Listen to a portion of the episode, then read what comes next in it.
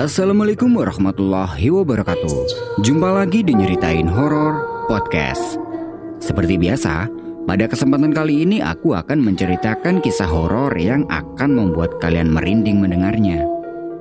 Buat kalian yang punya pengalaman horor dan ingin diceritakan di sini bisa cek infonya di kolom deskripsi. Nah, seperti apa kisahnya? Stay tune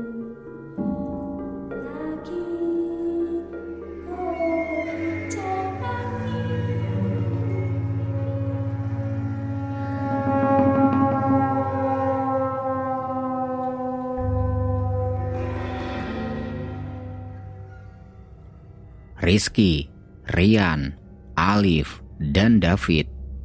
Waktu itu mereka sedang melakukan pendakian ke Gunung Penanggungan yang berada di Jawa Timur. Mereka berempat berangkat dari rumah sore dengan mengendarai motor.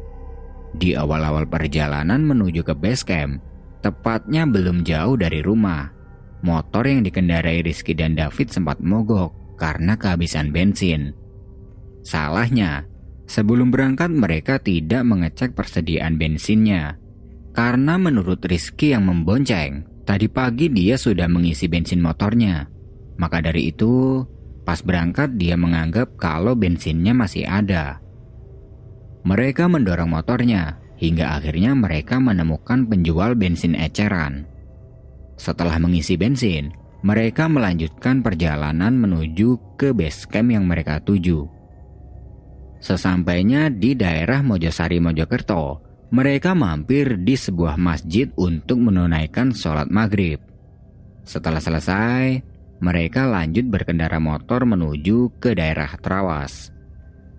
Mereka berangkat dari masjid itu sekitar jam 6 sore. Sesampainya di daerah Trawas, mereka diguyur hujan yang sangat deras hingga membuat mereka harus berteduh di emperan salah satu rumah warga itu posisinya sudah sangat dekat dengan basecamp Gunung Penanggungan. Berhubung waktu itu mereka tidak ada yang membawa jas hujan, jadi terpaksa mereka harus menunggu sampai hujannya reda. Sambil menunggu hujan reda, di emperan rumah itu mereka bercanda sambil makan-makan logistik yang dibawa. Setelah dua jam menunggu, tapi hujan belum juga reda. Rizky berpikir, Kayaknya ini nggak bisa dilanjutin dah pendakiannya. Dia berpikir seperti itu karena malam itu sudah menunjukkan jam 9 malam. Di sisi lain, malam itu hujannya sangat deras disertai petir yang saling bersahutan. Rizky pengen ngomong ke teman-temannya, tapi dia nggak enak. Dia nggak enak sama Rian dan Alif, karena ini adalah pendakian pertama mereka. Dia nggak mau ngecewain mereka berdua, karena sebelumnya yang mengajak mendaki adalah Rizky. Akhirnya ya udahlah, lihat kondisi nanti aja. Mereka terus menunggu hujan sampai reda. Sambil menunggu itu, mereka sempat tertidur di emperan itu. Nah, gak lama tidur, tiba-tiba Rizky ini bangun dengan keadaan kaget karena dia merasa seperti sedang dibangunkan oleh kakek tua yang jalannya membungkuk sambil membawa tongkat kayu. Le, nang tangi, udane wis terang. Nak, bangun, hujannya udah reda. Setelah bangun, Rizky celingukan mencari sosok kakek yang membangunkannya tadi. Tapi di tempat itu dia tidak melihat ada kakek yang membangunkannya. Dan benar, Ketika dia bangun ternyata hujannya sudah reda. Melihat hujan sudah reda, Rizky membangunkan ketiga temannya yang masih tidur. Setelah bangun, Rizky bilang ke teman-temannya, Eh ini gimana? Mau dilanjut apa gimana? Rizky bilang seperti itu karena waktu itu sudah menunjukkan jam 11 malam. Di sisi lain, kalaupun harus lanjut mendaki malam ini, pastinya jalurnya akan becek dan licin. Teman-temannya Rizky menjawab, Ya udah ayo lanjut, mumpung udah reda hujannya. Mereka kemudian menaiki motornya masing-masing dan melanjutkan perjalanan menuju ke base camp. Di perjalanan menuju ke base camp, perasaan Rizky tiba-tiba gelisah karena dia teringat dengan sosok kakek yang membangunkannya tadi. 15 menit perjalanan, sampailah mereka di daerah Tamiajeng. Tamiajeng adalah desa yang terletak di lereng gunung itu. Sesampainya di Tamiajeng, mereka pergi ke tempat penyewaan peralatan outdoor untuk menyewa beberapa peralatan yang tidak mereka bawa. Setelah selesai, mereka menuju ke base camp Gunung Penanggungan. Malam itu kondisi base camp terlihat lumayan sepi. Ya wajar sih, karena malam itu bukan malam hari libur. Di base camp mereka packing, mengurusi maksi, ngopi, dan lain-lain. Nah, Ketika di base camp itu Rizky semakin cemas melihat kondisi base camp yang begitu sepi dan jalanan yang becek. Dalam hati dia bilang, ini yakin harus mendaki dengan kondisi kayak gini. Tapi melihat teman-temannya sepertinya yakin-yakin aja, Rizky pun ikut yakin. Tepat jam 12 malam mereka memulai perjalanan. Karena waktu itu jalannya licin, jadi mereka berjalannya pelan-pelan agar tidak kepleset. Di awal-awal perjalanan, mereka dimanjakan oleh jalur yang dilewatinya hingga sampai di pos 2. Kenapa dimanjakan? Karena jalanan dari base camp menuju ke pos 2 itu dominan menurun. Oh iya, di gunung itu nggak ada pos 1. Jadi dari base camp itu langsung menuju ke pos 2 atau bisa dibilang base camp itu adalah pos 1. Sesampainya di pos 2, terlihat sangat sepi. Dan di pos 2 itu mereka istirahat di bangunan warung yang gak buka. Warung itu biasanya buka kalau weekend aja. Jadi kalau hari-hari biasa gini, warungnya jarang buka. Di situ mereka minum, ngerokok, dan lain-lain. Nah, ketika sedang istirahat, dari ujung belakang warung samar-samar Rizky melihat ada orang yang sedang duduk di sebuah kursi kayu. Melihat itu, Rizky langsung mengarahkan senternya ke arah orang yang dilihatnya itu. Tapi pas senter itu sudah diarahkan, ternyata tidak ada siapa-siapa. Alias kursi kayu yang tadi samar-samar terlihat ada orang itu kosong. Bisik-bisik dia bilang pada David, Tadi kayak ada orang dari situ. Di mana? Di situ, di kursi itu. Si David ikut mengarahkan senternya ke arah yang dimaksud Rizky. Tapi David tidak melihat ada siapa-siapa. Melihat di situ tidak ada siapa-siapa, David bilang pada Rizky, "Udah biarin, menunggu sini mungkin." Mendengar mereka berdua bisik-bisik, Rian bertanya, "Ada apa coy?" Eh enggak, enggak ada apa-apa. Udah yuk kita jalan lagi. Jawab David. Mereka pun kembali melanjutkan perjalanan menuju ke pos 3. Di perjalanan menuju ke pos 3 itu, mereka jalannya semakin pelan karena jalannya sudah mulai menanjak. Di sisi lain, waktu itu kondisi jalannya becek dan licin akibat hujan deras tadi. Hingga beberapa kali Alif dan Rian terpeleset.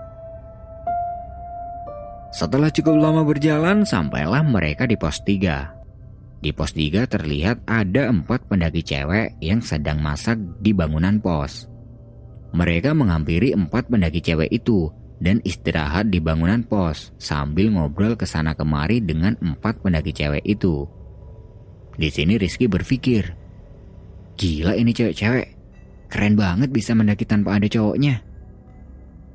Waktu sudah menunjukkan pukul 2 dini hari. Setelah cukup lama istirahat, mereka berunding tentang kelanjutan perjalanan mereka. Enaknya dilanjutin sampai pos bayangan atau bermalam di sini dulu. Di sisi lain, kondisi mereka malam itu sudah sangat lelah dikarenakan jalanan yang becek dan licin. Karena tidak mungkin melanjutkan perjalanan ke pos bayangan, Rizky memberi masukan kalau mau camp sekalian nanti di pos 4 aja, biar besok gak jauh-jauh kalau mau summit. Mendengar masukan dari Rizky, mereka semua hanya menurut dan bergegas melanjutkan perjalanan.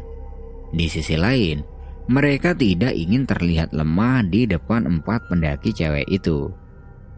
Sebelum melanjutkan perjalanan, mereka pamit sama empat pendaki cewek tersebut yang mereka berniat bermalam di pos 3. Perjalanan kembali dilanjutkan menuju ke pos 4. Selangkah demi selangkah, jalanan yang cukup menanjak ini mereka lewati hingga sampailah mereka di pos 4. Di pos 4 mereka sangat lega karena setidaknya mereka bisa beristirahat malam ini. Malam itu kondisi di pos 4 sangat sepi, tidak ada pendaki lain. Mereka membuka tenda dan didirikan di sebelah kiri bangunan pos. Karena waktu itu Rizky membawa hamok, dia memasang hamok yang dibawanya itu di antara pohon di belakang tendanya. Setelah semua sudah selesai, mereka masak-masak di dekat tenda. Rizky tidak ikut masak dengan alasan dia tidak lapar. Nah, ketika yang lain sedang sibuk memasak, si Rizky ini dia menempati hamok yang sudah dipasangnya tadi. Dia bersantai sambil tiduran di hamok itu. Dan lama-kelamaan, dia merasa ngantuk hingga akhirnya dia tertidur. Ketika sedang tidur itu, dia merasa seperti ada yang mengayun-ayunkan hamoknya. Jadi hamok yang ditempati Rizky itu terasa bergoyang ke kanan ke kiri, ke kanan, dan ke kiri lagi. Merasakan itu, spontan Rizky langsung bangun dan langsung melihat keadaan sekitar. Kok kayak ada yang goyang-goyangin hamokku ya? Batinnya. Dia melihat dua pohon tempat dia mengikat hamoknya itu. Siapa tahu pohon itu tertiup angin. Tapi Pohon itu cukup besar untuk tertiup angin, jadi tidak mungkin. Nah, ketika Rizky bangun itu, kondisi hamoknya masih bergerak dengan pelan. Terasa seperti diayun-ayunkan, tapi tidak ada yang mengayun-ayunkan. Merasa ada yang aneh, Rizky langsung turun dari hamok itu. Kemudian dia menghampiri teman-temannya yang masih asik memasak. Sesampai di situ dia bertanya, Tadi siapa yang ke sana? Ucap Rizky sambil menunjuk ke arah hamoknya. Gak ada yang ke sana. Orang dari tadi kita di sini masak kok. Emang kenapa? Jawab David. Kayak ada yang goyang-goyangin hamokku tadi. Balas Rizky. David menertawakannya sambil dia bilang, Makanya jangan suka menyendiri, digondol setan baru tahu rasa ntar. Akhirnya, Rizky ikut bergabung dengan teman-temannya dan tidak berani menempati hamoknya lagi. Setelah masakan sudah matang, mereka makan-makan, ngopi, kemudian tidur. Keesokan harinya mereka bangun. Setelah bangun mereka mengisi perut dengan sisa makanan semalam. Pagi itu Rizky tidak berani mendekati hamoknya karena masih takut. Jadi setelah selesai mengisi perut, mereka meninggalkan barang-barangnya di pos 4, kemudian lanjut berjalan samit ke puncak. Jalanan dari pos 4 menuju ke pos bayangan itu menanjak ekstrim, jadi harus ekstra berhati-hati untuk melewatinya. Setelah kurang lebih satu jam perjalanan, sampailah mereka di pos bayangan. Di pos bayangan mereka istirahat karena sangat lelah. Dan di pos bayangan itu, Tiba-tiba Rizky nggak feeling kalau harus berjalan lagi ke puncak karena kondisinya sangat kelelahan dan masih ngantuk. Karena tidak ingin membuat teman-temannya kecewa, Rizky mempersilahkan ketiga temannya untuk tetap lanjut jalan ke puncak. Sementara dia berinisiatif untuk menunggunya di pos bayangan saja. Rian dan Alif kemudian melanjutkan perjalanan ke puncak, tapi tidak dengan David.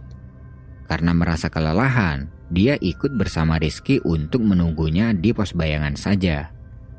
Sebelum Rian dan Alif berangkat ke puncak, Rizky menunjukkan jalan menuju ke puncak yang sudah terlihat jelas. Kemudian mereka berjalan sedikit ke atas pos bayangan, ke sebuah tempat di mana Rizky dan David akan menunggunya. Nanti kalau udah turun dari puncak, kalian langsung ke tempat ini aja ya. Aku dan David nungguin di sini kata Rizky. Setelah semuanya sudah jelas, Rian dan Alif berjalan menuju ke puncak. Sambil menunggu Rian dan Alif turun dari puncak, Rizky dan David berfoto-foto di tempat yang ada batunya itu. Setelah cukup berfoto-foto, lama-kelamaan mereka merasa ngantuk. Ya wajar sih, semalam mereka tidurnya hanya sebentar. Akhirnya mereka berdua tidur di dekat batu besar tersebut. Nanti juga kalau Rian dan Alif datang bakal dibangunin batin mereka. Nah, Ketika sedang tidur, kejadian yang sama terulang lagi. Rizky merasa seperti ada yang membangunkannya. Le, nang tangi, dikolei koncomu, ditinggal mudun. Nak, bangun, dicari temanmu, ditinggal turun. Merasakan hal itu, Rizky bangun dengan keadaan yang masih setengah ngantuk. Ketika bangun itu, dia melihat yang membangunkannya itu adalah seorang kakek-kakek bungkuk sambil membawa tongkat kayu. Karena waktu itu kondisinya Rizky masih setengah sadar dan setengah tidak, dia tidak bisa melihatnya dengan jelas. Kemudian dia langsung membangunkan David yang waktu itu tidur di sebelahnya. Fit, Fit, bangun Fit. Setelah membangunkan David, Kakek tua yang tadi membangunkan Rizky itu tiba-tiba sudah tidak ada. Di sini Rizky berpikir, tadi itu mimpi apa bukan ya? Setelah bangun David langsung bertanya, Rian dan Alif belum datang ya? Kayaknya belum. Kalaupun datang pasti kita udah dibangunin. Eh Fit, tadi ada orang yang ke sini nggak? Gak tahu. Orang dari tadi aku tidur. Kenapa? Barusan kayak ada kakek-kakek yang bangunin aku. Kakek-kakek siapa? Ya nggak tahu. Karena dibangunin itu makanya aku bangun. Terus aku bangunin kamu. Karena tempat itu vegetasinya terbuka, Rizky melihat ke berbagai arah dengan tujuan mencari kakek yang membangunkannya tadi. Karena kalaupun kakek itu langsung pergi setelah membangunkan tadi, pastinya dia belum jauh dari sini. Setelah dilihat ke sana kemari, dia tidak melihat ada orang di sekitarnya. Adanya hanya pendaki lain yang sedang camp di pos bayangan. Dan itu pun jaraknya sangat jauh dari tempat mereka itu. Merasa semua itu aneh, Rizky mengajak David untuk meninggalkan tempat itu dan berniat menunggu Rian dan Alif di jalur pendakian saja. Setelah lama menunggu, Rian dan Alif tidak juga terlihat turun. Rizky bilang pada David, Apa mungkin mereka udah turun ya Fit pas kita tidur tadi? Gak mungkin. Kalaupun turun pasti mereka ke tempat kita dulu. Ya udah kita ke pos bayangan dulu aja. Siapa tahu mereka udah ada di sana. Akhirnya mereka turun ke pos bayangan. Siapa tahu Rian dan Alif udah ada di sana. Sesampainya di pos bayangan, eh ternyata benar. Rian dan Alif terlihat sedang menunggunya di situ. Rizky dan David segera menghampirinya. Sesampainya di tempat Rian dan Alif, Rian bertanya pada mereka. Kalian dari mana? Aku cariin di batu-batu itu tapi nggak ada. Mendengar pertanyaan itu, Rizky dan David saling menatap heran. Lalu Rizky menjawab, Kalian yakin tadi nyariin kita ke tempat itu? Iya, kami udah turun dari tadi, tapi kalian gak ada di sana. Kami pikir kalian nungguin di sini, jadi kami langsung ke sini aja. Rizky pun menjelaskan kepada mereka berdua bahwasanya dari tadi mereka tidak pindah tempat dan tidur di tempat itu. Mereka semua dibuat heran dengan keadaan ini. Lalu Rizky mengajak mereka untuk segera turun kembali ke pos sempat. Di perjalanan turun ke pos 4 mereka masih membahas kejadian janggal tadi hingga akhirnya mereka sampai kembali di pos 4. Sesampainya di pos 4 itu ada kejadian aneh lagi. Hamok yang tadi sebelum pergi ditinggalkan tanpa dilepas. Waktu itu tali hamoknya terlepas satu. Jadi ada yang sengaja melepaskan talinya dari salah satu pohon. Mereka langsung mengemasi tendanya. Karena takut, Rizky meminta tolong pada David untuk menemaninya melepaskan tali hamok yang satunya. Setelah semua sudah terpacking, mereka kembali berjalan turun Nah, karena udah dua kali ini Rizky merasa dibangunkan oleh sosok kakek itu. Di perjalanan turun Rizky terus kepikiran tentang sosok yang membangunkannya itu. Dan dia sudah mengira kalau kakek itu mungkin adalah jin. Dia juga mengira kalau mungkin yang mengayun-ayunkan hamoknya semalam itu adalah kakek itu. Nah, itu tadi adalah sebuah kisah horor yang bisa aku sajikan ke kalian semua. Buat yang masih stay, aku ucapin terima kasih dan tunggu kisah horor selanjutnya.